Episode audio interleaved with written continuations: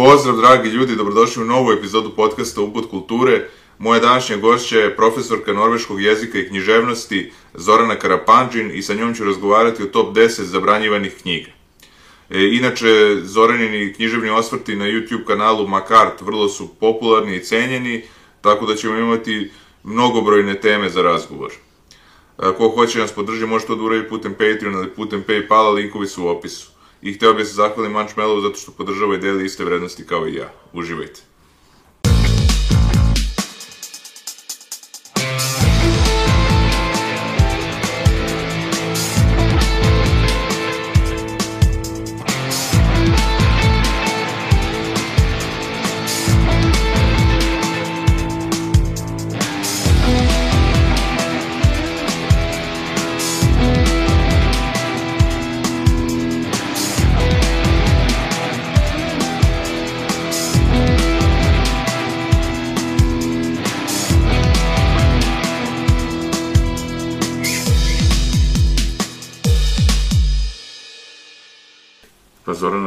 Dobrodošla. Hvala ti mnogo što si došla. Hvala tebi na pozivu.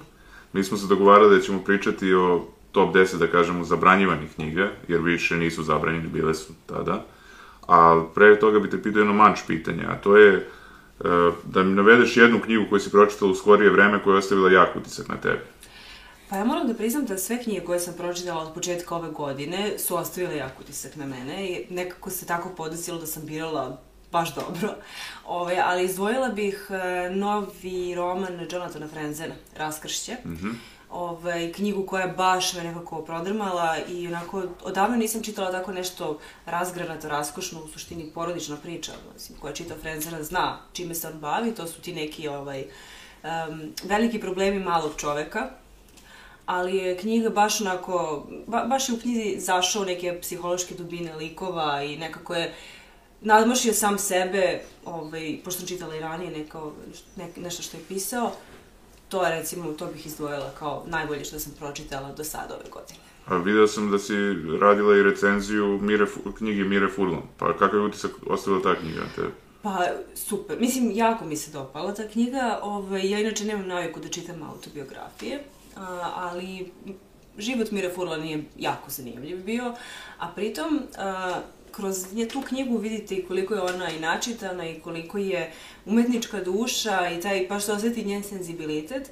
I nije ona, ona nije spisateljica, ali ona toliko lepo priča priču svog života, baš je onako talentovana za to neko pripovedanje. I ovaj, ne samo što je zanimljiv život, nego je ona tako lepo priča, prosto i od svojih, na primjer, roditelja pravi ono, književne likove malte, ne, tako da je stvarno knjigu koju se uživa i ovaj, Ima poprilično strana, ali tako, 700. Ima 700 i nešto strana, ali veruj mi, znači to samo klizi, baš da. je tako napisano da nekako ne primetiš ovaj, meni treba možda 5-6 dana da pročitam, što je stvarno kao malo za knjigu tog obima, niti ja čitam nešto pretirano brzo, ali je baš lepo napisano. O, pretpostavljam da su nešto previše prepravili da bi njen muž reagovao, ili ipak živio je muž i Pa ne verujem da su iskreno, ne znam, da. da, čitala sam ja da je bilo to zapravo originalni rukopis ima ne znam koliko, hiljadu i nešto strana, da. ali mislim, bože moj, mora da se negde malo pa, filtrira, da. mislim, mora da se ovaj, prođe kroz uredničke ruke svaka knjiga, to se dešava, to je prosto deo procesa. Pa da, ali eto, kad smo kod zabranjenih knjiga, eto ja bih počeo sa jednim klasikom, e, a to je, ti nisi stavila tu knjigu na listu, ali prepostavljam da bi se našla da je šira, da kažemo, list, a to je Majstor i Margarita. Da, meni Majstri Margarita je jedna od omiljenih knjiga. Pa jeste meni. pa dobro, već dosta ljudi je to omiljena knjiga. To iz tog vojna samoća, mislim, najviše ljudi su te dve knjige omiljene. Pa, znaš kako, za, jedna i druga su nekako, mislim, čudno mi je što je, jedna i druga su neobične na svoj da. način. Nisu, kla, mislim, nije, ne znam, Ana Karenjina je onako, običnija u pa, smislu da. priče. Da. Ali, recimo, za Majstora i Margaritu je zanimljivo što je ta knjiga izašla čak ja mislim skoro 30 godina posle smrti, e, dakle posle smrti Bulgakova. On je pisao tu knjigu između 28 i 40, znači više od 10 godina, i onda je njegova žena, Elena, ovaj, je bukvalno, on je njoj, kad je bio bolestan, diktirao, ovaj, ona je pisala, i ona se bavila time posle njegove smrti, i 66. je tek, ja mislim, tako da, to su sad neki razlozi sovjetski, ovaj, da tako kažem, imamo tu i Borisa Pasternaka, sa Dr. Živago, koji je, knjiga je proglašena antisovjetskom i on nije teo da ode da primi Nobelovu nagradu zato što jednostavno ne bi mogao se vrati u zemlju. Mm. Tako da postoje različiti razlozi zašto je neka knjiga zabranjena. E sad... Ma da, nekad su to stvarno politički razlozi. Da. Eto, meni Majstri Margarita je baš onako, mislim, to je slojevito delo i tu ima i, i te društvene ovaj, kritike, ali ima i ljubavna priča, ima i religije, ima i svega, baš je onako, što tumači na mnogo različitih načina. A eto, pre nego što počnemo da pričamo o tvojim izborima, uh, ti, ti, ti radiš na kanalu Makart, je li tako? Tako je. Makart distribucija knjiga, ovaj, vodim njihov YouTube kanal. To je onako neka lepa sradnja koja je počela zato što sam na svom Instagram profilu počela pišem o knjigama, iskreno potpuno nekako neplanski i onda je to prešlo i na YouTube. I eto, tu se tako formirala neka mala zajednica, znaš i sam kako to ide, pošto da. snimaš da. ovo. Jako je zanimljivo, baš, baš volim to da radim. I nekako je to za mene način da, kad pročitam neku knjigu, ja nekako saberem svoje utiske kroz taj video. Možda do, da ne radim to, možda to ne bih, ovaj, na, možda ne bih tako doživljavala ta dela, ne bih se toliko bavila njime nakon čitanja. Pa i pretpostavljam da je zanimljivo, raz, razmenjuješ razne mišljenja sa publikom, vidio sam da pišu komentare, da... Jeste, mislim, da, neki ljudi gledaju, interakcija. neko gleda, na primjer, te videe da da, kako bi dobio preporuku, šta da čita. I to je nekako meni, ono, prva pomisao, kad me neko pita zašto ljudi gledaju to. Mislim, ja bih zato gledala. Ali recimo, čula sam, dobila sam i neka zanimljiva ovaj, mišljenja m, koja se zasnivaju na tome da ljudi gledaju moje videe zato što im je zanimljivo da čuju još neko mišljenje o delu koje su pročitali i kao faktički me vide kao nekog sagovornika o delu. Tako da eto i to mi je mnogo drago onda kad kao čujem to jer znači svakako da čuješ još nečiju analizu. Sad ja se bavim, prvenstveno su to neki moji subjektivni utisci ovaj, i format koji smo izabrali je prilično nekako kratak da bih se da bi ja sad ulazila u neku baš duboku analizu. Da, da. I drugu za duboku neku ono, iscrpnu analizu, razgovori su ipak mnogo zahvalnija forma. Kad sam to radiš, više prenosiš neki svoj subjektivni utisak od dela. mogu da budu i neki spoileri ako bi bilo duže, ono, pa da, otkriješ neku radnju, mislim radnju da otkriješ, tako to. Pa, to je baš onako, mislim, da. ja se baš trudim da ne otkrivam nekada, nekad prosto mora. Mislim, pa da, da. ne može. Pa jeste, da. Pa eto i sad kroz razgovor više bi se ja sredio na to zašto je neka knjiga zabranjena, mada i tu ćemo onda otkriti malo sadržaja, ali bože moj. A to je, eto, krenuo bi prvo od jedne knjige koju si stavila isto, ja bi stavio isto na svoju listu, to je Američki psiho. Mhm, mm da. I film je, mislim, briljantan, tako da... Jeste, to je možda jedan od onih slučajeva gdje je kao film meni stvarno možda podjednako dobar kao knjiga. Jer... Da, to je redkost. Pa, mislim, ne treba ni porediti, možda čak jer drugi je medij, da, da. ali film je fenomenalan. Yes. I knjiga je sjajna, mislim. Čitala sam baš za tu knjigu, da je u suštini kao, eto, zabranjivana, malo, mislim, nasilje, ono, ko, ko ne zna, da, to uvedemo u priču, američki psiho, bukvalno ubija ljude ne. i to nije nikakav spoiler, to vi saznate odmah, ne. ali Ove, ovaj, i zbog odnosa prema ženama i zbog tih nekih stvarno gadenih scena. Ne. Ali iskreno, isto tako mislim da ovaj pisa baš malo i briga za to. Ne. Jer ovaj, nijedan pisac baš ne piše knjigu da bi ovaj, Mislim, ne bi trebalo da piše knjigu radi hvalospeva i radi dodvoravanja, nego radi svog nekog unutrašnjeg neizdrža da kaže nešto što želi, a ovaj američki psiho je suštinski kritika da. kapitalizma i modernog društva i to i tekakva kritika. Pa na neki način i na Fight Club, mislim, ima nešto Jeste. slično sa Fight Clubom, mada je Fight Club kasnije izašao. Ovaj, mislim, ne liči knjiga kao knjiga, ali ta kritika je ista. To ja nisam čitala knjigu Fight Club, mm -hmm. Film je isto sjajan, mislim, ono, ali knjigu nisam čitala. Knjiga je isto bila, onako, nije bila dobro prihvaćena, nije bila zabranjena, ali nije bila, a prvu knjigu nije niko teo da mu od čaka sad kod nas kako to izgovaraju, da li Palahnjuk da, ili Polanik, da. znači sve zavisi kako se... Ali prvu knjigu Nevidljiva čudovišta stvarno niko nije htio da mu izda i to je bilo ono... I onda je on napisao još bizarnije delo, da kažem, ovaj, Borilački klub, Mada, eto, meni je bizarnija knjiga, naravno, Američki psiho i mislim da su i pisci, čak ove kolege, uh, zalagali se za to, bili su zgroženi da ovaj, knjiga bude zabranjena, da piše makar ispod, da ne može ispod 18 godina, mm -hmm. ovaj, to je da bude na njoj napisano. I uh, znam da je ovaj, u principu da, da je pisac isto bio onako, pre toga imao jednu knjigu, čini mi se, to mu je druga knjiga. Mm -hmm. ovaj, I ta prva je isto dosta bizarna. E, mislim da se radi u, o nekom koleđu i o, čitao sam ja, sad sam zaboravio kako se zove, tako da... Da, ja nisam čitala to, da, ali mislim, Bret Easton Ellis je sjajan pisac, Da, da, da, da. američki psiho, to je jedno ono, delo u kom, glupo da kažem sad uživa se u tom delu, jer ne uživa se, ono, postoji, mislim, ali je totalno uvrnuto i bizarno, ali ne znam, ja, čudno mi je u stvari na koji način ljudi tumače dela i onda dođu do toga da bi neko delo bilo, trebalo da bude kao zabranjeno ili da je skandalozno na neki način. Jer ja ne vidim, ja, mislim, iz ove perspektive sad kad čitaš te knjige koje su nekad bile zabranjene, živim u 2022. godini, šta mu više možete šokira? Da, da, da. Pa sad u skorije vreme nisam ni čuo da je neka knjiga bila zabranjena u skorije vreme. Pa ja sam čula, evo recimo, baš sad u januaru sam čitala da je u jednoj školi um, u američkoj saveznoj državi Tennessee Mhm. um, iz programa izbačena ova grafička novela Mouse. Mhm. Sad, uh, grafi, da, da li pravilno reći grafička novela, strip ne znam, nisam toliki po, ovaj, uh, poznavalac prosto stripa, da kažem, ali imam neke koje volim. Mouse je, recimo, jedini strip koji je dobio Pulitzerovu nagradu. I to je u suštini uh, autofikcija, ali on uh, kroz strip priča priču o svom ocu koji je preživeo holokaust i Auschwitz. I on, uh, on- je zapravo bio poljski jevrej. I on kao Art Spiegelman, autor tog stripa, odlazi kod oca da mu on sad ispriča kako je to preživio svoje doživljaje. I ovaj, dakle, holokaust je tema o kojoj se mnogo pisalo, mnogo snimalo svega, ali recimo da je Maus jedna od onih eh, stvari nakon koje ste u fazonu, ok, ne mora više ništa da se kaže o ovoj temi, ovo je prosto reklo sve što treba se kaže. Da.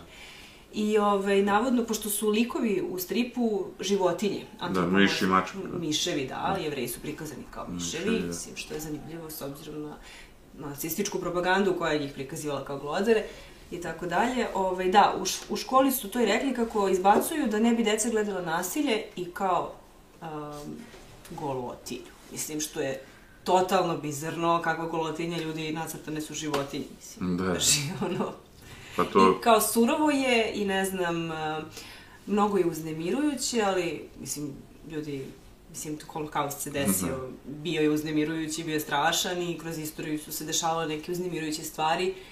Moramo da kao znamo kako je to zapravo izgledalo. Tako da eto, to je sad sam baš u januaru pročitala, to je baš sveže. i kako si zadovoljna s knjigom? Malo si remek delo, mislim, to je baš onako, ne morate da volite strip da bi vam to bilo wow, jer to je baš, mislim, to obavezno pročitaj ako budeš imao priliku. Hoću, To je hoću. stvarno ludilo. A reci mi, eto, pa da, e, ti nisi stavila na svoju listu, ali eto, možemo da spomenemo onda i životinsku farmu, kad smo već kod toga, tako da... Da, da, ja... Jer to je neka paralela, mislim, uh, i Orwell je bio zabranjivan dosta. Jeste. I 1984. Dobro, tu ne moramo da navodimo razloge zbog čega je bio zabranjivan, to se zna, tako da. Verovatno bi i sada bio zabranjen da je Da. napisan u nekim državama.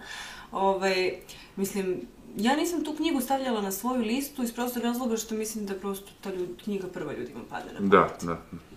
Ovaj, I ona jeste veliko delo. Ja ne znam da li si ti imao to iskustvo kad si čitao, recimo, ali ja kad sam čitala Orvela, ja i dan danas pamtim tu uznemirenost koja je to izazivalo kod mene. To je Da. onako neka...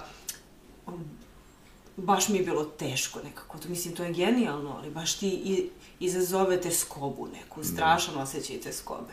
Pa tako i sa 1984. i tu možeš da... Na nju i mislim. Da, da, da, aha, ja sam mislim životinsko. Pa ne, da, da. mislim, životinska farma je Da, da, drugo. drugačije, da. Da. Ovde sam, znači, imao te neke vizioner, mislim, vidio sam te nje- njegove vizionerske rečenice koje se sada dešavaju, bukvalno, i onako jezivo je, u principu. Da. Jezivo je. I ja nisam recimo spominjala paklenu pomoranđu. E, ne Aha. znam ni da li ona čak bila zabranjena, ali ja se sećam da sam ja lično, ja sam čitala jednu pa drugu i jednu i drugu su mi tad bilo onako kao, uf, okej, baš teskobno i teško, mislim, paklena pomoranđa je baš nasilna. Jest, da, ali, na primjer, to sam spominjao već u jednom podcastu, da pisac nije bio zadovoljan kako je film ispao i da je bio baš ljut na Stanley Kubricka, ali, eto, i film isp- kao remek dela se smatra, tako da. Jeste, ja, mislim, gomila ljudi gledala film, ni, ni ne zna da postoji knjiga. Mislim, Da. film je dobar, šta znam. Da, da. Pa Jeste, da, nema šta mislim. A reci mi, koju bi sad knjigu spomenula? Pa, znaš kako, zavisi... a, Kojim ćemo redom? Pa ne, zavisi koji su razlozi zašto je neka knjiga zabranjena. Neki su prosto zabranjeni iz, ili uh, iz političkih nekih razloga, a neke su nekako skandalozne, jer u vreme kad su bile napisane, prosto njihovi junaci su bili negde nemoralni, Da, da. da tako kažemo, i onda nekako su te knjige, sad stvarno kažem, sad ne može ništa više da nas šokira, ali recimo um, Rakova obratnica Henry Millera kad je izašla, to je bilo kao, to je jedan od tih romana koji je ono utabao put slobodi govora u književnosti. I meni recimo sad kad neko spomene, ovaj, mislim, sad zaista nikog neće šokirati da pročita ovaj, o seksu u književnosti, to sad stvarno nije toliko strašno, ali recimo, um, mislim da ono što bi sad možda moglo da šokira čitalace u tim nekim knjigama jeste više taj neki odnos prema ženama. I onda te, postoje neki pisci, recimo poput Millera, Filipa Rota, koji ja verujem da danas pišu, bi vrlo moguće bili negde cancelovani. Da. Što ja ne opravdavam, jer kao, je, mislim, Da, prosto knjige su pisane u neko određeno vreme. Ovaj, ta Rakova obratnica je jedno sjajno delo i nekako, ovaj, to je jedna od onih knjiga za koju je meni stvarno mnogo žao kada ljudi ovaj, je stavljaju tu kategoriju, ne znam, erotskih romana ili tako nešto. To je, onda zaista ako smatraš da je to sve što definiš tu knjigu, onda si baš promašio point. Da, da, da. Da je baš Mnogo je dublja tema, tako da. Pa jeste, on piše sjajno i to je jedno onako, taj unutrašnji svet tog jednog izmučenog uma i briljantnog uma je opisan fenomenalno. Okružen boemima, prostitutkama i... Pa jeste, mislim, to je ta, autofikcija je, živo, je- živo je tako, nema šta, on svoje, ono, svoju unutrašnju se izbacuje na papir. Pa skoro sam baš i video, on je zapravo iz Amerike došao u Pariz, jel tako? Z- Skoro sam nešto gledao televiziju i vidio sam neki lud film i rekao čemu se radi i upravo je to bila ekranizacija. Sad zove se drugačije, ne zove se tako, nego se zove po imenima glavnih junaka, čini mi se. Da, da, da, da, vidiš, ja nisam znala Da, da, da, da. Super, možda ću da da pogledam. Da, rekao šta je ovo, bilo je baš onako čudno vizualno uređen film Da. i uopšte drugačije je nekako film, rekao čemu se radi i onda sam tek skapirao da Nisam znala to. Da, da. Ali zanimljivo je to kako, mislim, u stvari ljudi percipiraju ovaj, pisce i njihove junake. Da, da. Ja sam isto skoro dobila, mislim, skoro, relativno skoro, komentar na jednom od mojih videa na YouTube-u zašto ovaj, ne pričate kao više o nekim knjigama koje promovišu neke lepe porodične vrednosti. I on kao pomisliš, ok, mislim, ali to je možda 5% književnosti. Da, da, da. Pa, mislim. Pa na kraju krajeva možeš da izvučeš e, mnogo više možda iz neke knjige koje ne promoviše to, ali možeš da izvučeš da bi trebalo da na primjer u negativnom da izvučeš nešto što je pozitivno, tako da Pa ne, ali ne možemo da čitamo, mislim, književnost je tu da provocira, umetnost je Pa tu da. da. provocira i da te na, navodi na razmišljanje. Ne, ne znam sad, ono, čitao, čitao si možda Lolitu. Da. Svi smo čitali tu knjigu i svi smo bili zabesegnuti u stvari šta pisac kod nas izazove. da, da, da. Koliko te izmanipuliši, koliko te Da zarobi. čak ljudi osjećaju empatiju prema pedofilu, mislim, u knjizi. Što je katastrofa. Da, da. Jer ti, ja, svi, svi, se, svi smo to doživjeli čitajući to kao pomisliš, ali on nju stvarno voli. I onda kao, ali ne, bolestan je. Da, da. I kao, Mislim. postoji zato. Zato ta knjiga, ti si tu kao čitalac, odnosno čitateljka ulozi neke porote, nekog žirija, nekog sudije, koji sad se nalazi u jako zanimljivoj poziciji gde te pisac maltene zarobio. I ovaj, tebe je sramota i svojih misli. I zato se, mislim, više ljudima ta knjiga ono kao Zato, zato je toliko skandalozna, jer u Loliti nema zapravo nijedne vulgarnosti. Ali sama ta, znači okvir radnje, imamo pedofila, što je katastrofa, ali mislim da je gore to šta u stvari pisac uspeva u tebi da zove. Pa već uvodna rečenica je onako dosta provokativna, tako da, Pa jeste, i on je jezički virtuozno, ta, ta knjiga je napisana sjajno. da, da. I ti tačno vidiš u stvari njegove faze tog glavnog junaka. Ti u suštini tu čitaš njegovu neku ispovest koju on ne piše da bi se iskupio, niti da bi on sad sebe negde opravdao. On uh, nju piše zato što je to njegova neka realnost. On, to on je takav. Znači, Da, to, da. to nije ništa izmišljeno, nije ništa fabrikovano. On je taj lik i to je njegova realnost. I ona je užasna, ali je njegova. Da, da, da. Pa je Nabokov interesantan bi, lik bio. On je bio, čini mi se, kolekcionar leptira, tako nešto. Jeste, da. Vidiš, to je jedan od onih pisaca koji kao, eto, kao i Bulgakov, baš sam skoro nešto to ovaj komentarisala, ja sam stvarno čitala samo Majstor i Margaritu od Bulgakova i od Nabokova sam čitala samo Lolitu. Da, pa ja isto. Iako mislim da postoje, verujem da su druga dela briljantna, iako želim da pročitam, ali prosto ova su tako zasenila sva Da, pa jeste, da. pa ima to, neka knjiga jednostavno beleži pisca Jeste, i posle je jako teško nadmašiti, mislim. jeste. Ali eto imamo primer, ti si isto stavila čoveka, dve knjige od jednog čoveka, to je Filip Roth. On je skoro preminuo, 2018. i bilo mi je, mislim to je smešno na neki način, što je rekao da se plaši samo dve stvari, pred kraj života je to izjavio, smrti i biograf. Da. Jer se brinuo šta će da napiše za njega, mislim, pošto je... On je baš bio, mislim, ja sam zapravo čitala, ovaj, ja volim jako Filipa Rota, smatram da redko koji savremeni pisac, mislim ima koji da nije živ, ali smatram ga savremenim piscem, da um, redko ko s takvom dubinom piše o čoveku i o njegovom tom unutrašnjem svetu. Filip Roth baš to piše nekako onako iskreno. Da li taj sad- dualizam između životinskih nagona i Da. duhovnosti, tako da kažem. Jeste. Ta želja, Da. ti želiš da želiš da se skrasiš, ali Da. ne, ne, nešto Da. ti ne da. Ovi, ali recimo, on da piše danas, da je živ i da piše danas, pitanje je kako bi to, mislim, da, da ka, kako, bi, kako bi prijem naišao kod publike. Pa ne znam dok je on pisao, ovu drugu knjigu koju si navela je napisao 93. godine. Mm, znači imao je Sabatovo 60, pozorište. da, Sabatovo pozorište i tad je doživio nervni slom, bio je u duševnoj bolnici, izašao je i o, to je bilo nakon što je se razveo drugi žene, pošto je imao dva propala braka, ovaj drugi je trajao 20 godina, Pa Sabatovo pozorište je baš gadna knjiga. da, i gadan lik, mnogo. Mnogo je gadan lik, Miki Sabat je ono odvratan i Kao da nije ni realan, ono, koliko je... Pa nije, zato što je on onako mega uvećana verzija prosto čoveka naj, u svom najprljavijem obliku. Mislim, to je tako. I svako ko, mislim, užasno je čitati tu knjigu, ali izuzetno zanimljivo. Istovremeno, jer kao ima odvratnih scena. I to su recimo meni neke te knjige gde, koje počneš da čitaš i pomisliš, jo, ovaj pisac tako sada kritikuje nas kao vrstu. Imaš utisak kao da bukvalno odapinje neke strele u tebe kao čoveka i ono, mrzite, ali zapravo negde duboko, to su duboko empatične knjige. Mislim, to je ne, pos- postoji zapravo ljubav prema čoveku kroz sve to kad pročitaš. Jeste, da. I na neki način, da kažem, e, može, može čovjek da osjeti neku empatiju prema tom gubitku samopouzdanja njegovih likova, jer prosto se tu vidi neki gubitak, koliko god da to deluje Jeste. kao... Pa evo taj profesor Žudnje, isto jedna knjiga koju smo spomenuli, sad ne znam da li ona baš bila zabranjena i to prosto jeste negde skandalozno. Mislim da jeste, da. glavnog junaka koji tako, eto, to je to, želi da želi normalan život. On, Da. on bi voleo kad bi on sad mogu da se zadovolji tim nekim brakom, decom, svim tim nekim stvarima koje kao prosječan čovjek ostvari. Ali ne ide mu, ne može jednom da trenutku se... deluje kao da će, ali... Ne, ne može se mane Ne tih može, svojih nekih. da. S druge strane, ovaj, ima jedna knjiga, Filip Roth, to mu je vjerojatno najpoznatije delo, od Američka pastorala, Mhm.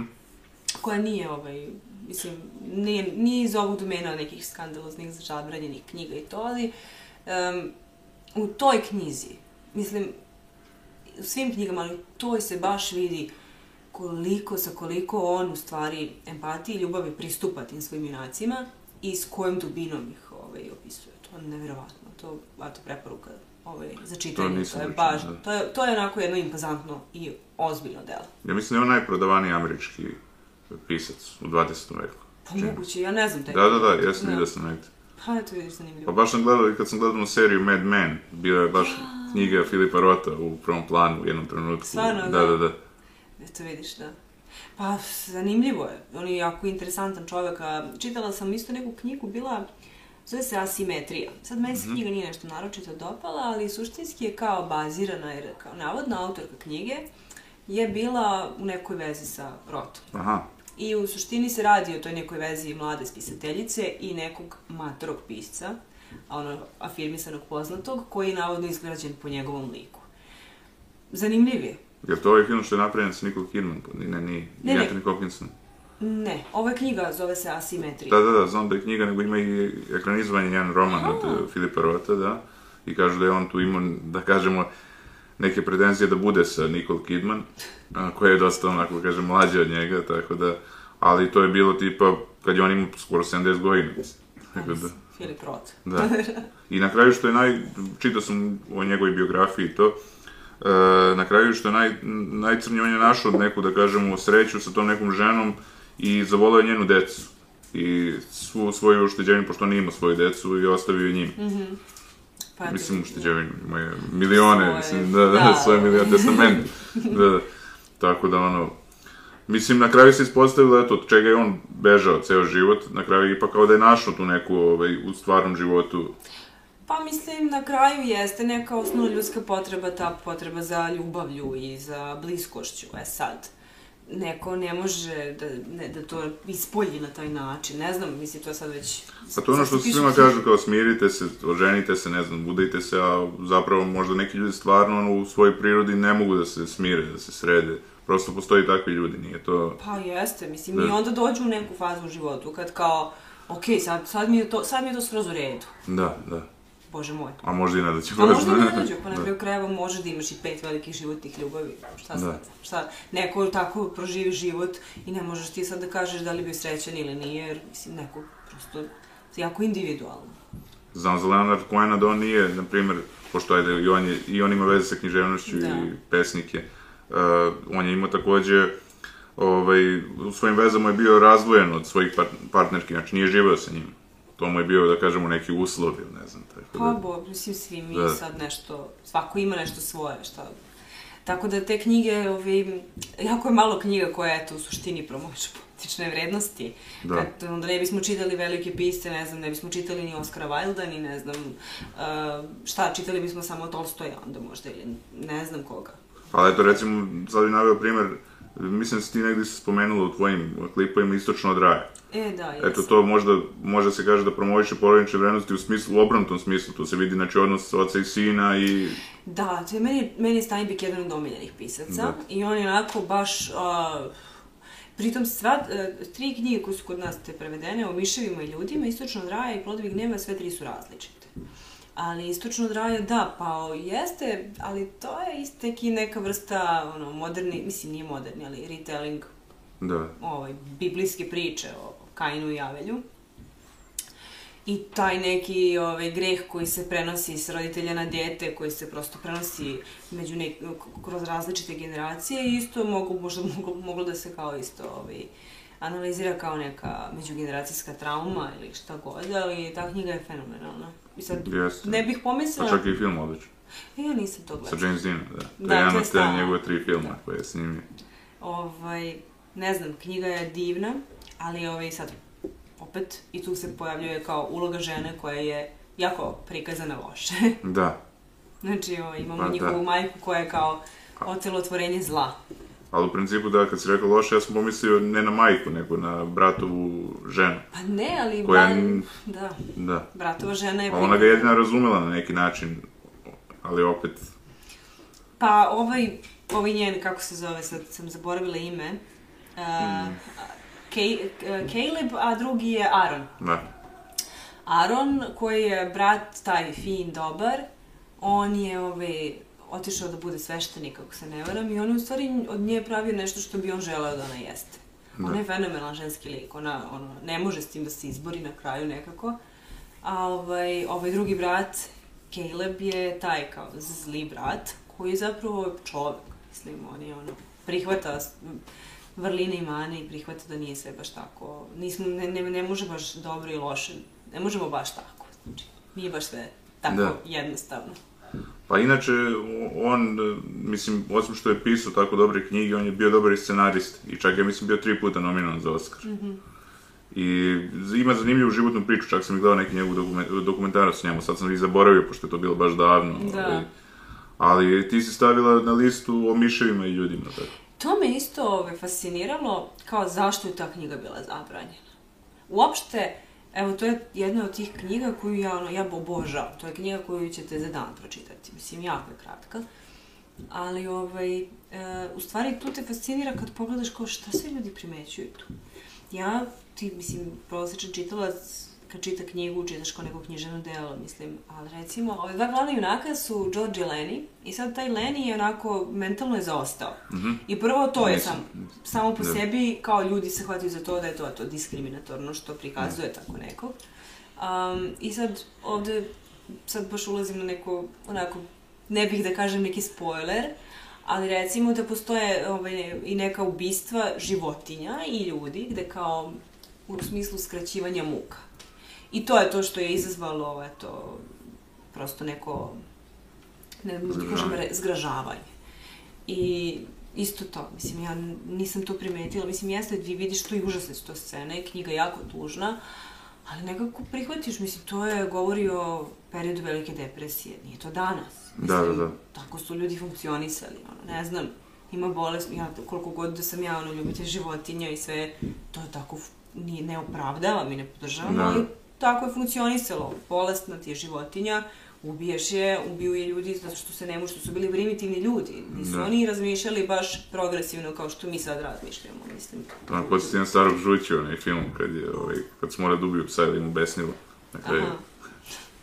mislim, možda, Pa užasno, Da, ali da, tako ali- su ljudi radili, mislim, Da, da. ne opravdavam. da, Ali, eto, to je izazvalo zgražavanje. I isto taj lik koji je, ovaj, da kažem, zaostao u razvoju, on je na nivou deteta. I on um, nije svestan ni svoje snage i onda zbog toga je onako i neartikulisan i povređuje ljude i I sad šta se tu desi je jako tužno i strašno, ali ovaj, iskreno ne bih, ne bih očekivala da će izazvati to da sad kao neko zabrani knjigu. da, da. No, mislim, ono, A čekaj, bila je zabranjena tada u tom periodu ili posle nešto? Mislim, Mislim da, je- da ne znam tačno kad, ali u nekom trenutku sa, uh, ona se stalno nalazi na nekoj listi zabranjenih knjiga u nekim američkim bibliotekama, Aha. srednjim školama, kao zbog toga što je to govori navodno kao opravdava ubistvo. da, da, da. Pa viš, zanimljivo, u nekim zemljama je kao zabranjeno, nekim to je isto zovu rakovu obratnicu. Na primjer, u Francuskoj nije zabranjeno. Znači, kad se pojavila nije bila i onda su ljudi krijumčarili knjigu u američke, ne znam, države i Da. tako da... Pa i Henry Miller mislim da je dosta uticao na... Čini mi se da je on uticao na Bukovskog dosta. Da, pa mislim, pazi ovako, ja, ne, ja nisam nešto pretredno čitala Bukovskog, to je jedan od onih pisaca koji mi prosto je promakao i kao ispravit ću to, pročitat ću nekad nešto. Ali da, Rakova obratnica je bila zabranjena tek ono, ne znam, 10-15 godina nakon što je izašla. Da, da. Pa ne, Bukovski bi bio sad da pričamo o njemu možda kliše, ono, da, kad bi sad pričali o njemu, ali mislim, hoću da kažem, ne znam, kad čovjek pročita dosta knjiga, možda mu Bukovski upadne u neku senku tih, e, mada ne mora da znači, naravno, meni, na primjer, su njegove pesme odlične. Jesu, sam pesme su do, Da, dobre baš. da, da. Pa dobro, danas kažem opet ništa ne može tako da nas šokira. Da, da, ali da. ako uzmemo u obzir kad je nešto pisano, Da, da. Treba on- znati, moraš kontekst vremena. kontekst, Da, da. mislim, tako da ono, ne možemo baš da gledamo ni iz ove perspektive. pa da. A eto, ti si stavila i knjigu koja, eto da kažemo, možda verovatno svima padne prva na pamet kad kažu ovaj, zabranjena knjiga, to su satanski stihovi, jel tako? Da, to je ozbiljno izazvalo, mislim, to je baš onako... On čovek je ucenjena glava zbog toga, spisa. Au, to on je bio, Samo. sad, sad nije samo njemu bila ucenjena glava, dizali su knjižare u vazduh. Pre jedan prevodilac te knjige je ubijen.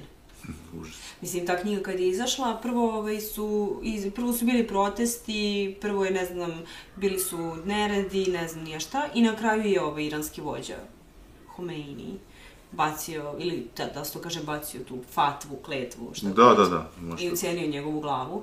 I onda ti zamisli ceo taj svet e, ekstremnih ovaj, ljudi koji imaju ta neka ekstremna verovanja i koji bi sve uradili za svoju veru i koji se ne plaše smrti. A to je najgore. Ono, tom čovjeku koji se ne plaši smrti ne možeš ništa. Ovaj, koji traže njega, koji se, on se 9-10 godina skrivao Da. U Britaniji ili? Nemam pojma iskreno, ali znam da je ima, imao jedno ime pod kojim se skrivao i, na i pisao je memoare. Aha. I ta knjiga je izašla. I ima knjiga memoara, odnosno njegove memoare za vreme tog skrivanja, pošto je bio pod zaštitom policije i to bi baš voljela da pročitam. Na kraju se on kao, mislim, on se i izvinio i sve, naravno izvinjenje nije bilo ovaj, Da. prihvaćeno. Ali sad, naravno, živi javnim nekim životom manje više, ver, sam veruje da je to sad već davna prošlost, ali eto što jedna knjiga može izazove. Kolika je snaga u stvari književnosti. Sad, da li se to može nazvati hrabrošću ili ludošću pisca, to je sad pitanje, mislim. Uvek da- je hrabrost. Da. Mislim, pisac je tu da provocira i da ukazuje na neke ovaj, stvari, neke nedoslednosti. Po mom mišljenju, ne može umetnost da... Ovaj... Pa ne možeš u strahu da pišeš, mislim, tako da... Pa mislim, prvo... Onda nije to to, mislim. Ja stvarno mislim to nije tako strašno. To su prosto ljudi koji smatraju sve strašnim, koji su digli redakciju časopisa u vazduh. Da, da. Šta su već, mislim, ono, Pa da, da, pa dobro, ali... ne, Da, da, da. ne znam, ne, ne možemo baš da Ovi satanski stihovi konkretno navodno su uvredili ovaj muslimanski svet zato što navodno ta knjiga pogrdno govori o proroku Muhamedu. Da. Jer jeste negde bazirana na njegovom životu i ima tu, mislim, hvatili smo se za različite stvari. Sad, ne znam, počevši od naziva satanski stihovi, jer to, ne znam, ima navodno, to je sad, neki, satan, neki, to su neki stihovi koje je navodno Muhammed izgovorio, ali su mu bili potureni od strane đavola, pa je sad tu, oko toga je, zato se tako knjiga zove. A isto tako, ne znam, kako je, ne znam sad, uh, Anđeo Gavril, odnosno Džibril, kako je po Kuranu, je prikazan, ne znam, kao filmska zvezda, pa naravno i to je Da, da. izazvalo revolt. Tako da, da li je hrabrost ili ludost, opet kao ne računa baš pisac da će to tako, da, da, Da, da, da, da, tako da. da reaguju. Da. Dobro, ima jedan pisac iz, sad ne znam kako se zove, iz Napolija, pošto je pisao, iz Napolja u stvari, Mhm. pisao je ovaj, o njihovim, naravno, ovaj, mafiji i, onda je on u, zbog toga bio u opasnosti i morao je da se isto preseli iz... Pa eto, mislim, Da. šta ljude sve isprovocira, ono, Da, da, da. knjiga, koliko moć ima u stvari. Tu pretpostavljam da je pisac znao da će biti u opasnosti, jer kad A o to- tome pišeš, to je već, ono, da, da, da. Pa da, pogotovo tu gde si, mislim. Baš je, su, surovi su uslovi. Pa eto, kad smo kod Napolja i ovaj, imamo sad vrlo popularnu Elenu Ferrante. Da. E, da, svi su pričali o njoj, ni na početku se nije ni znalo ko je on. Mislim, da li su uopšte sad, ja ni, ne, nisam pratio dalje, se zna ko je ona na kraju Ne. ili... Ne, dalje. Mislim, ja se nadam da su ljudi nekako ovaj, odustali od tog pitanja ko je Lena Da. Ferrante, ko je Lena Ferrante. Ja sam čitala sve što je ona napisala, što je izdato kod nas. I jako volim Elenu Ferrante, smatram da je jedna od tih književnica koju možete čitati stvarno i ako ste neki, ako samo tražite neku dobru priču, a možete i da zagrebete ispod površine. Ali recimo, čitala sam njene memoare, imala knjiga Frantumalja se zove, koja u stvari su njeni memoari, stvari zbirka intervjua, pisama koje je razmenjivala sa svojim izdavačem, sa novinarima, tako dalje. I to su i, i eseji njeni, svašta nešto. I ona baš piše o tome zašto je to pitanje njenog identiteta nebitno. Zato što je stvar u knjizi. Da, da, Ovaj, I to je onako onda vrlo objektivno gledaš knjigu kad ne znaš, mislim ti ne znaš ko je ta spisateljica, ali Ne kao, znam da gledaš knjigu kao knjigu, gledaš Da, da. vrednost tog dela napisanog. da. Tako da, ja mislim da smo mi dosta nju upoznali kroz sve njene knjige, ona ja mislim da je negde ubacila sebe u svakog, svaku svoju junakinju. Pa, eto, to isto kažu za Filipa Rota, da je, ne, može, nema potrebe biografija se piše kad, znaš, već pitanje koliko on već i rekao o sebi. Da se, Ja mislim da je vrlo, Da. jasno se vidi. Da, da. Baš se vidi. E sad, opet kažem, ne treba baš ni čitati knjige sa tim kao u glavi da treba sad da razmišljaš koji su delovi knjige ovaj, zapravo vezani za život pisca, čitaš delo radi dela, ali nekad ti padne na pamet prosto, eto da.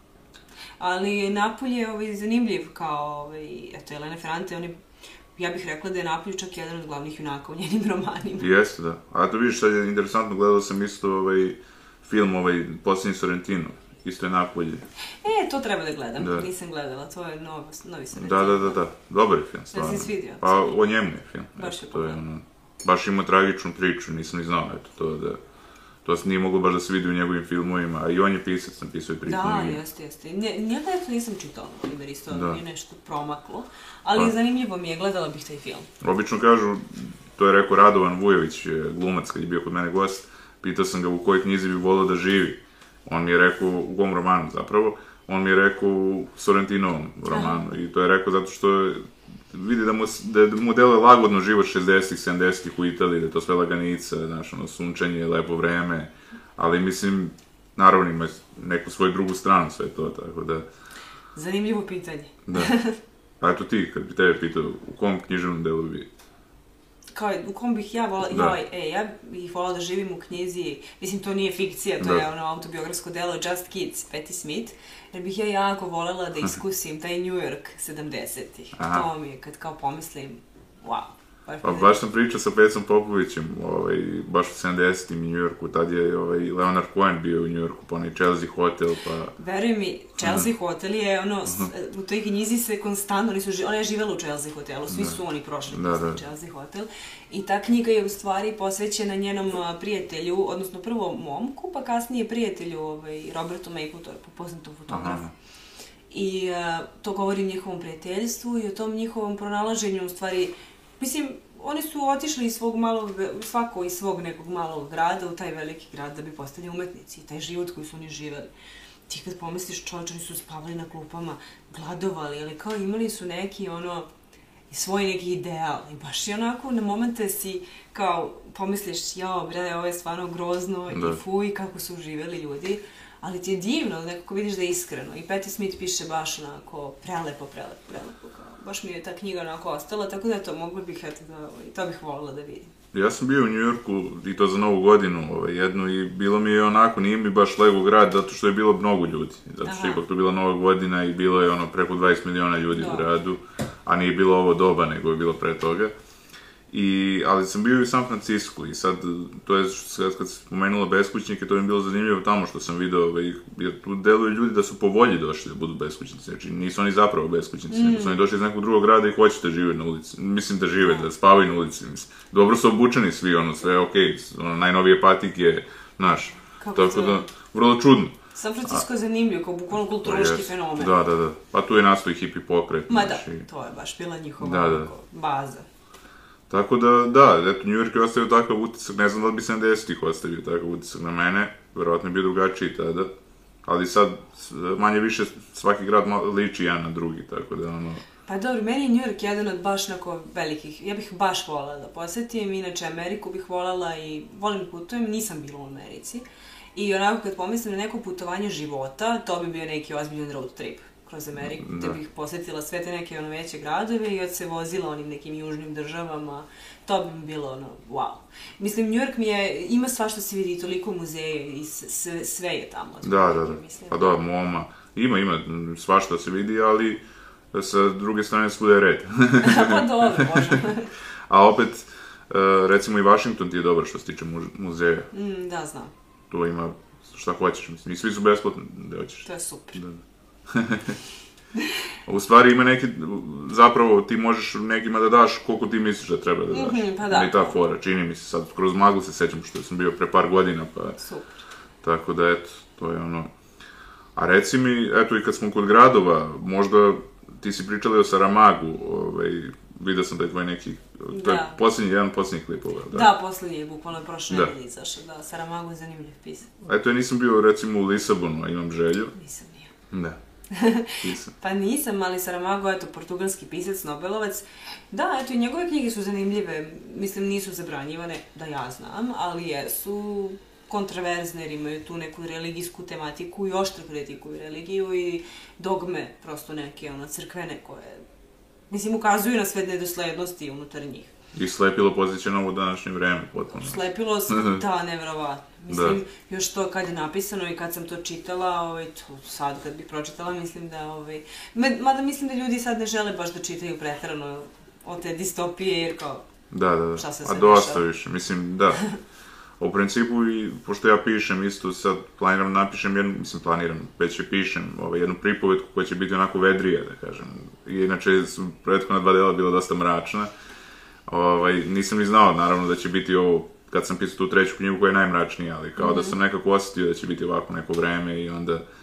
Ali dobro, e, knjiga je dobra i zato što kroz knjigu možeš da razgovaraš možda sa nekim najvećim, da kažem, umovima iz prošlo, mislim da razgovaraš, ono, oni ti već odgovaraju sa svojim rečenicama, e, tako da je zbog toga dobra i možda ti pruži utehu da. u nekim situacijama. Ali pitao sam te, počeli smo o gradovima da pričamo, šta misliš, koji grad je dobar e, za stvaranje, gde bi mogli umetnici da stvaraju? Mislim, da li postoji neki grad koji misliš da je baš, nekad je bio Pariz, kao smatrao se grad umetnosti?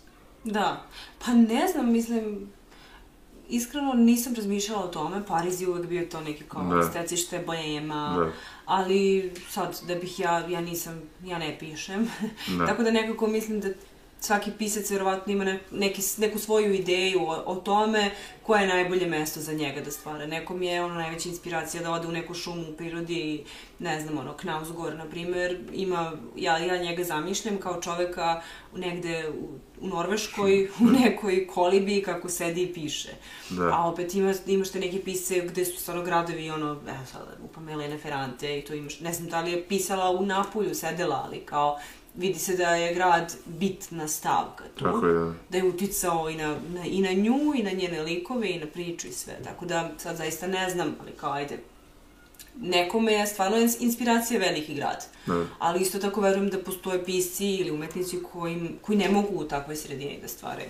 A vidiš, to sam, to je zanimljivo, kroz razgovor sa Pecom Popovićem sam shvatio da su velike luke vrlo važne bile za rock, za muziku, zato što su tu stizali, stizali CD-ovi. Da, zapravo, eto. pre ovih nekih drugih gradova i onda to nisam možda razmišljao na taj način o tome. Da, Tako nisam ni ja, vidiš, zanimljivo je kao Da, da. kad saznaš. Ali eto, o, možemo i da se vratimo i na temu. E, koju bi još knjigu navela od tih zabranjenih? E, pa evo, mislim, ne znam, sad, pošto Smo sve spomenuli. Pa pošto smo spomenuli te koje su bile kao skandalozne u, nekom smislu da su govorile o ono, nemoralnim tim i onda kao zato su ljudi ono, zgroženi jer su glavni junaci nemoralni. Ove, ima tih knjiga koje su bile to zabranjene što iz potpuno nekih ono, čudno mi je bilo kad sam čula. Recimo da je a, autobiografija Maja Angelou, znam zašto ptice u kavezu peva. Da je bila To zabranjena. nisam pročitao. Da. Mislim, to je, to je prelepo. To je, to je, Maja Angelou je jedna od najinspirativnijih žena, meni. Savremena književnica ili? Ona je, da, ali ona je umrla i bila je i književnica i pesnikinja, crnkinja. Mhm. I u suštini autobiografija je, ona je, hm, odrastala je, baka je odgajala, nakon ukidanja ropstva na jugu Amerike i njena baka je bila jedna od redkih crnkinja koje su e, imale svoj neki biznis i koje su svoje porodici obezbeđivale finansijsku samostalnost. Ali, ovaj, um, u knjizi Znam zašto pticu kavezu peva, ona piše o tome da je bila silovana kad, kad imala 9 godina. Posle toga je zanemela, nije pričala, nije, nije otvarala usta ne znam koliko godina. To su bile strašne traume. I s jedne strane ta knjiga, eto, zabranjena je bila zato što govori o, mislim, Da, da. seksualnom nasilju, a s druge strane, mislim, to se njoj desilo. Ne, ne Da. znam šta je tu, ona želi da ispriča svoju priču. Da. Isto tako, navodno, a ovo je baš meni katastrofa, Mhm. kad sam čula bilo, da kao promoviše mržnju prema belcima. Aha. Mislim, ajmo ljudi bre, bili su bre robovi koliko dugo, Da, kao, da. valjda smeju da ispričaju nešto svoje, neku svoju priču, mislim. Ali, ovaj, recimo, ne možeš ništa da im kažeš, ni pohvalu. E, to mi je pričala drugarica da je pohvalila nekoj crnkinji kosu i da je ona rekla kao, nemoj to više ništa da im pričaš. Znaš, počeli su da budu previše politički korektni, kako bi rekao. I sad je sve, sve što uradiš može da se protumači kao, ovaj, Pa ja samo mislim treba da se ljudi tretiraju normalno. Da, da. Znači, ono, pa, da, da, da, najnormalnije, kao, ne treba da, ono, oni, imaš, imaš i tih, kao, ima jedna, ova, jedna spisateljica koja, Brit Bennett se zove, isto je afroamerikanka Da. i pisala je, čitala sam neke eseje vezane za tu stvari koliko su ti, to su ti, znaš, ti fini beli ljudi, Da. koji se tako trude da budu fini. Ja ne kažem da su loše nameni Da. za toga, ali prosto samo normalno se ponašaju, kao, Da, da. to je okej skroz. Nisam ja osjetio ništa. Na primjer, u Americi, e, kako bi rekao, nisam imao nikakvih loših iskustava što se tiče toga. E, jer kad neko pomisli na San Francisco, ne pomisli sigurno da je 70% azijatskog stanovništva. Tamo su azijeti, znači svi su kosoki i, ovaj, ali, znaš, svi zamišljaju kao neki debele bele Amerikanci. Mislim, kad pomisliš na samo tako sam ja makro Da, zamišljao. da. Tako, ali nije, nije. Ovaj, tako da je izmešano dosta stanovništva. I, Ne možemo mi da sudimo baš o tim iskustvima, jer Ne. mi nismo doživeli to na svojoj koži. Znaš, mislim, kod nas postoji rasizam, naravno, imamo Rome, Da. su jako, mislim, marginalizovani jako se to manifestuje to, na taj način Da. kod nas, ali mi, ja, ti ili, ne, ne možemo mi da spoznamo šta znači da osetiti to na svojoj koži. Mislim, Da. to je činjenica. Tako da... Slažem se, da, da. Nego jednostavno, hoću kažem samo da u današnje vreme dosta ljudi zloupotrebljavaju neke stvari, što ne kažem da je slučaj sa ovom devojkom koja je doživjela silovanje i ovaj, treba shvatiti to ozbiljno, naravno.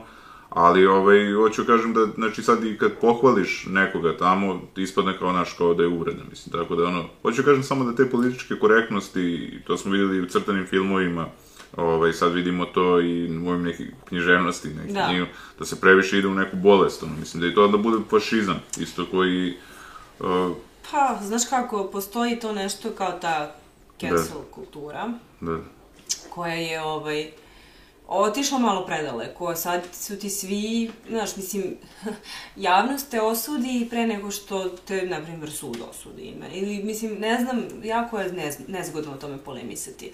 Sad, ne znam, lupam, mi tu pokret koji je nešto najbolje što se desilo, ali isto tako jako lak za zloupotrebljavanje da. i za, e, ako se eksploatiše i ne znam, sve ode u neku, ne, neki čudan smer. Tako da, ne, čudno je nekako ovaj, nezahvalno diskutovati o tome, jer opet paziš da nekog ne uvrediš, a ne želiš da uvrediš jer nemaš to u sebi, a nekako često ispadne kao da, eto, uvrediš kao lupom sad to, pohvalili kosu. Sigurno nije ima lošu nameru, ali ne znam. a reci mi, nisam te pitao vezano za tvoju profesiju. Ti si profesor norveškog jezika i književnosti? Pa samo po tome šta sam studirala, ne mm -hmm. se inače time, nikad nisam, nikad nisam ni bila profesor. Da, znači po struci si, da. Pa, da, to sam, završila sam norveški, skandinavski jezik i književnost ali bukvalno već na fakultetu sam se zaposlila u nekoj norveškoj firmi i otišla u potpuno drugom pravcu. Da, da. Bavim se ovaj, marketingom sada, tako da norveški koristim, eto, bukvalno samo kad čitam knjige i gledam filmove norveški. Pa, spomenuli smo Knuta, ali ka, ka, koji još norveški pisci su ti, onako da kažemo, zanimljivi? Pa ne znam, eto, ja volim Knausgora. Mm -hmm. ovaj, um, imala sam isto jedan video baš posvećen tim norveškim piscima. Ima dosta, zanimljivi su oni, ovaj, da, da. imaju tu neku, eto, Erland Lu je, mm -hmm. oni iz nekog razloga je jako popularan kod nas postao, kad čim se pojavio. Ima tu neku lakoću izraza i na neki ovaj, lako stvarljiv način govori o temama koje su strašne. Depresija, anksioznost i ne znam, ono, potpuno neki besmisao života. Uh, Justein Gorder je s druge strane norveški pisac koji je onako više pri, piše neke ljud, bajke za odrasle, piše onako optimističnije i mislim da je onako malo više feel good pisac. Ovaj, ima velikih pisaca, ako ćemo sad Hamsun, Knut Hamsun da. je vjerojatno najveći norveški pa pisac. Pa jeste, da. Ono, kao on je baš klasik, ili Ibsen, koji je ono, otac da. drame, da kažemo. Ovaj. Šta sam čitao za njega, da, vezano nešto za Nobelovu nagradu, da je on dao neko saopštenje, ne mogu da se setim šta je tačno bilo, nešto zanimljivo. Hamsun? Ne, Ibsen. A Ibsen? Da. Ne znam, iskreno ne mogu da se setim, bilo je vrlo zanimljivo to što je napisao, neko pismo. Ali Moguće. čak sam, ja mislim, i kačio to na stranicu, ali ne mogu da se setim tačno. Mm -hmm. Bilo je već... Pa vidi, ono, mi smo sve to čitali na fakultetu, odnosno drame te, i da. meni su te drame u suštini nešto što jako teško čitam. Ne, to je, ono, volim pozorište i otišla bi, obožavam pozorište i drama mi je nekako za gledanje, ne za čitanje, iskreno. Nešto mi to, ne, ne leži mi čitanje toga, dramskih tekstova. A reci mi, koje bi možda neke knjige preporučila ljudima? Ne mogu, pričali smo, ne može svakome da se da. preporuči da. svaka knjiga, ali... Pa recimo, evo, nismo spomenuli, u, kad smo već, kad već pričamo o ovoj temi, nismo spomenuli jednu knjigu koja je bila zabranjena i ovaj, iz jako zanimljivog razloga, to je Stakleno zvono Silvije Blat. Mm -hmm. Uh, koja je negdje isto autofikcija i govori, mislim, Silvija Plat izvršila samoubistvo da. i bila jako depresivna. Mesec dana posle Da, posljednjska knjiga. I knjizga govori o nekoliko, znači glavna junakinja je ta mlada devojka koja je kao super, us, mislim uspešna relativno, ali prosto nešto neštima, depresivna je. I, ovaj, I u knjizi se prikazuje nekoliko njenih pokušaja samoubistva. Silvija Plat i ta junakinja, isto kao ispisateljica, prolazi kroz terapiju elektrošokovima i to su užasne neke stvari. I onda zbog tih tako opisanih scena pokušaja samoubistva, postavlja se pitanje koliko u redu to Da. Kako će to uticati na ljude koji su labilni, kako će to, na, ako neko stvarno razmišlja o samobistvu, kako će to na njega da, kako će da. rezonovati, da li će pomisliti da to knjiga opravdava možda taj čin. Tako da, eto, to je onako ne, nezgodan teren, ali recimo mislim iskreno da je Stakleno zvono jedna od tih knjiga koju bi stvarno svako trebalo da pročita, zato što jako, jako dobro opisuje zapravo to stanje depresije. Znači, to je onako, kad pročitaš tu knjigu, shvatiš da je to zapravo uopšte nije ono što ti misliš da jeste. Ako nisi bio depresivan, ne, ne možeš da shvatiš šta je to. Tako da eto, to je recimo klasik koji stvarno bih preporučila svakome. Ovaj, ja sam opet nekog mišljenja da zaista nije sve za svakog i nezgodno je. Da, da. Ne, ne, nezgodno je sad preporučiti neku knjigu svima. Naravno, naravno, da, da. Ali... Mislim, i u lektiri imaju knjige koje ne odgovaraju ljudima, iako su klasici. Mislim, tako da... sve te lektire izmenjala. Da. Pa koju bi knjigu bacila tu lektiru, to da bude pitanje? Pa mislim, ja bih ubacila više, na primjer, John Irving je jedan od mojih... Mislim da ćeš reći Silviju. Mislim da ćeš reći Silviju. ne, ali recimo John Irving je jedan od mojih omiljenih pisaca i on je pisac zbog kog zavolite književnosti. I to su ti pisci koji kao, američka književnost je fenomenalna. I ovaj, iako on baš nije Amerikanac, nego, mislim, Kanadjanin, ali dobro, bože moj. A, Iako nemaju dugačku istoriju, pošto im je otac književnic Mark Twain. Da, ali opet, uh, Amerikanci imaju Amerikanci su pripovedači. Da. I oni imaju nevero... Svaka, ta, mislim, većina tih nekih dela američkih književnosti ima ozbiljnu priču. I to su ono pisci koje kad zamišljaš, ti zamišljaš da on ima ono celu sobu s nekim slikovima, rodoslovima. E, to je to. Ovi, I ne znam onda zašto mi, recimo, u lektiri, u okviru obavezne školske lektire, ne znam, čitamo Ruse i Srbe. Da. Mislim, iako to jesu velika dela, Da, ali da. iskreno, to su dosadna dela u tom periodu život. Mislim, ti si Pa teenager. nije za taj uzrast. Nije. Pa nije, mislim, ne znam, ono, jeste za neke, ja jesam, ta, ja sam tad čitala klasike, ali kao, ja sam ja, nismo Da. svi isti i treba ljudi da zavole knjige, a neće baš zavoleti knjige ako mu daš Hemingwaya sa Da. 15 godina, mislim, da se razumemo. Pa dobro, dobro, starac i more, ono, mislim, ima naravno dubinu knjiga, ali hoću kažem, jednostavno je napisano i onda... Pa dosadna je sad, mislim, dosadna je u tom periodu kad ti čitaš, kasnije ti legne, ali, mislim, eto, ja sam kao majstor i Margaritu čitala u srednjoj školi, prvi put, i ja sam shvatila to nešto meni zanimljivo, ali iskreno ja sam tek kad sam pročitala tu knjigu posle sa 25-6 godina, shvatila zašto je ona meni, zašto meni sviđa. Da. Ne možeš baš, mislim, mogu neki, ali velika većina dece u tom periodu ne. A recimo, eto, ti neki američki pisci uh, su takvi da imaju priču i ti, tebe vuče da Evo sad, ja trenutno čitam Stephena Kinga. Mhm. Nisam nikad čitala Kinga ovaj, i odlučila sam da probam.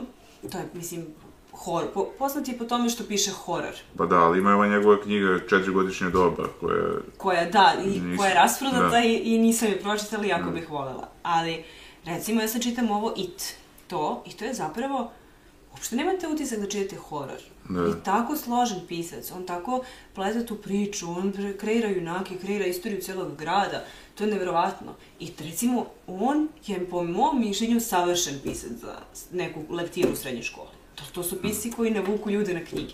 Pa ono, ostani, mislim, ostani uz mene, ovaj film, Stand By Me, uh, to je po njegovoj noveli, e sad, mislim se zove, prvi, kad sam prvi put video Leš, mislim, to sad zvuči Aha, ono, da, ili tako nešto, ovaj, tako da, uopšte ima u toj knjizi četiri doba, to je u stvari uh, zbirka priče, tako da kažem, i recimo Bekstvo i Šošenka, to je u stvari is- iskupljenje u Šošenku, mislim, sad da bi tako stavio film, ne bi odmah otkrio o čemu se radi u filmu, Da. ovako ispada ono, znaš da je pobegao, ovaj, Da. kad staviš.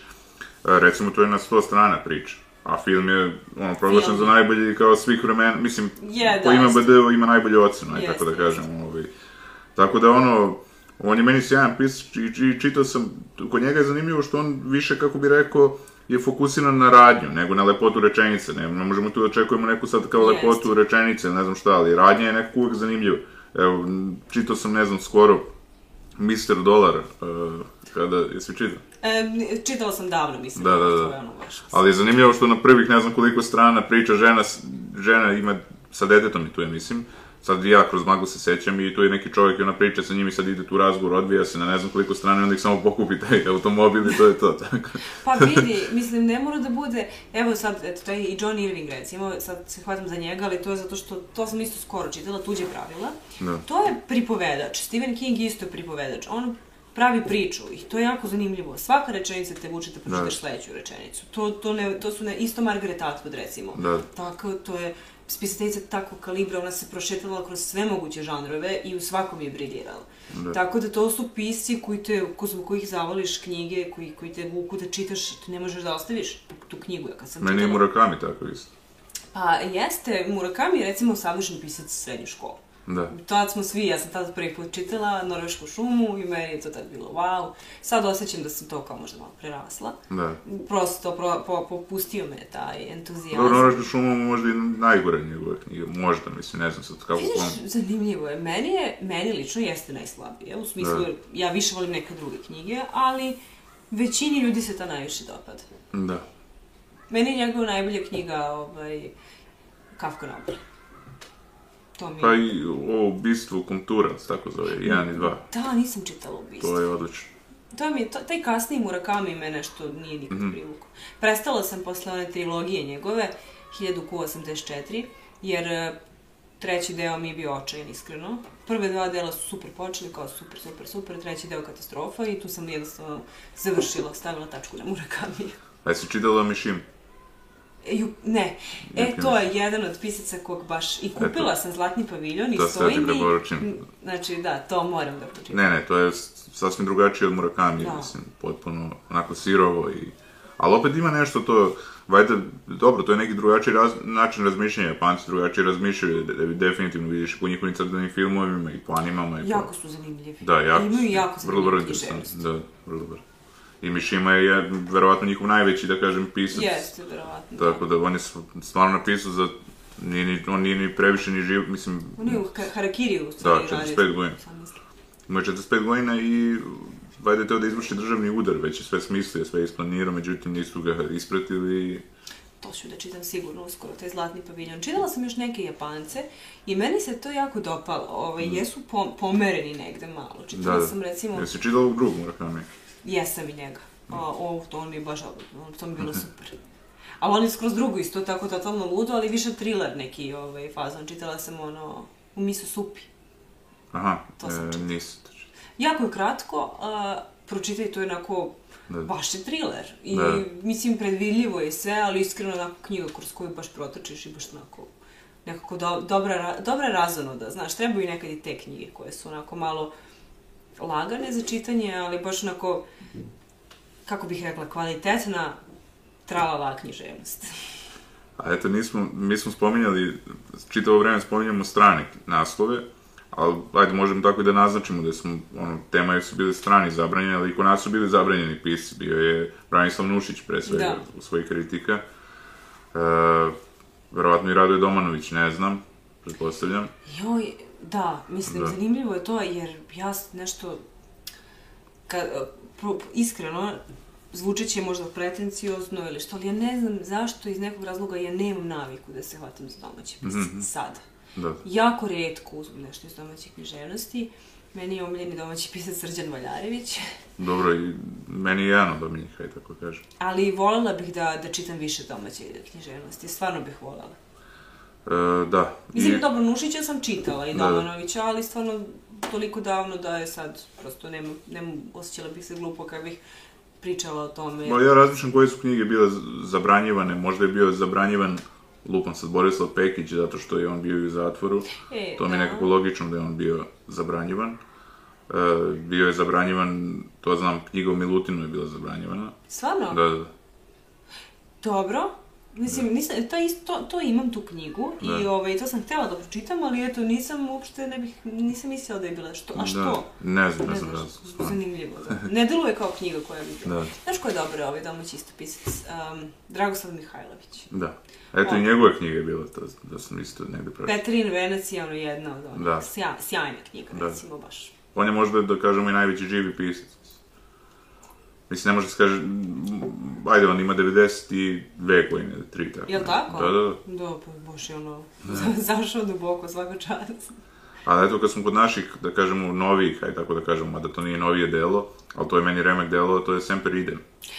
To mi je na listi. To, s- to, to sam, veri mi, sa mnogo strana čula da je stvarno remek delo. Da. I ovaj, spremam se da pročitam. Ovo je... Prije taj Đorđe Lebović, on je scenarist, šta je on bio? Nije on bio zapravo pisac. Da, da, pa nije on napisao nešto, ja mislim da mu je to i jedini rom... Mislim da ima dve I knjige. još je nešto da, Da. postao, i sad je neka zbirka izašla, čini mi se, da... jeste.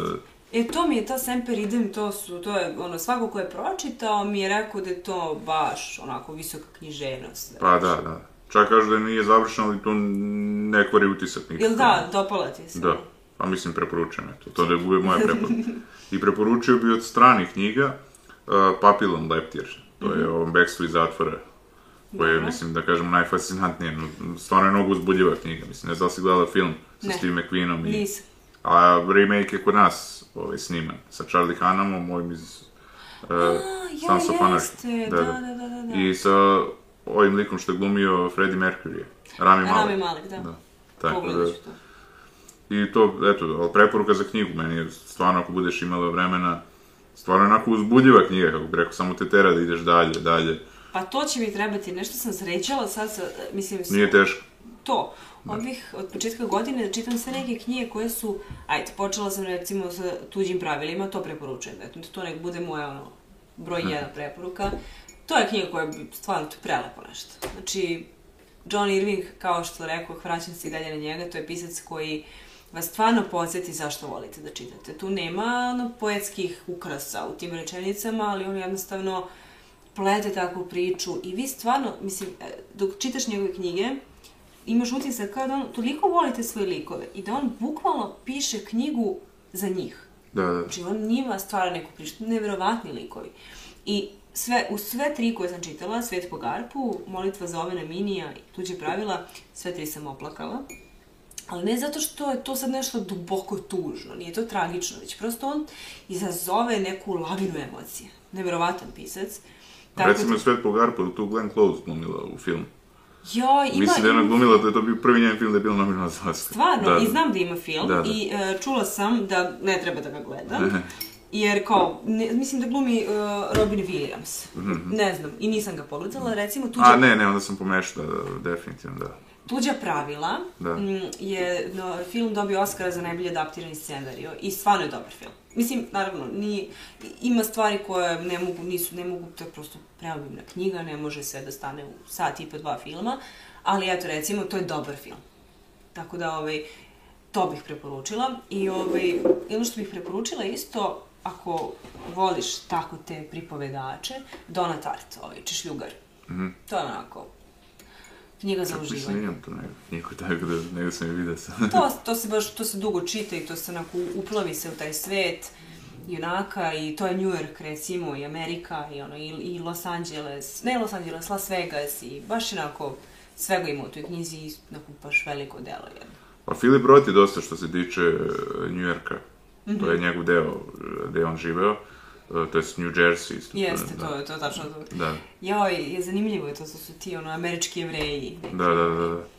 A se New York zove, to mi nije jasno, se New York zove deo grada ili New York, kao New York, pa kao izgovore New York. Newark. Da, da.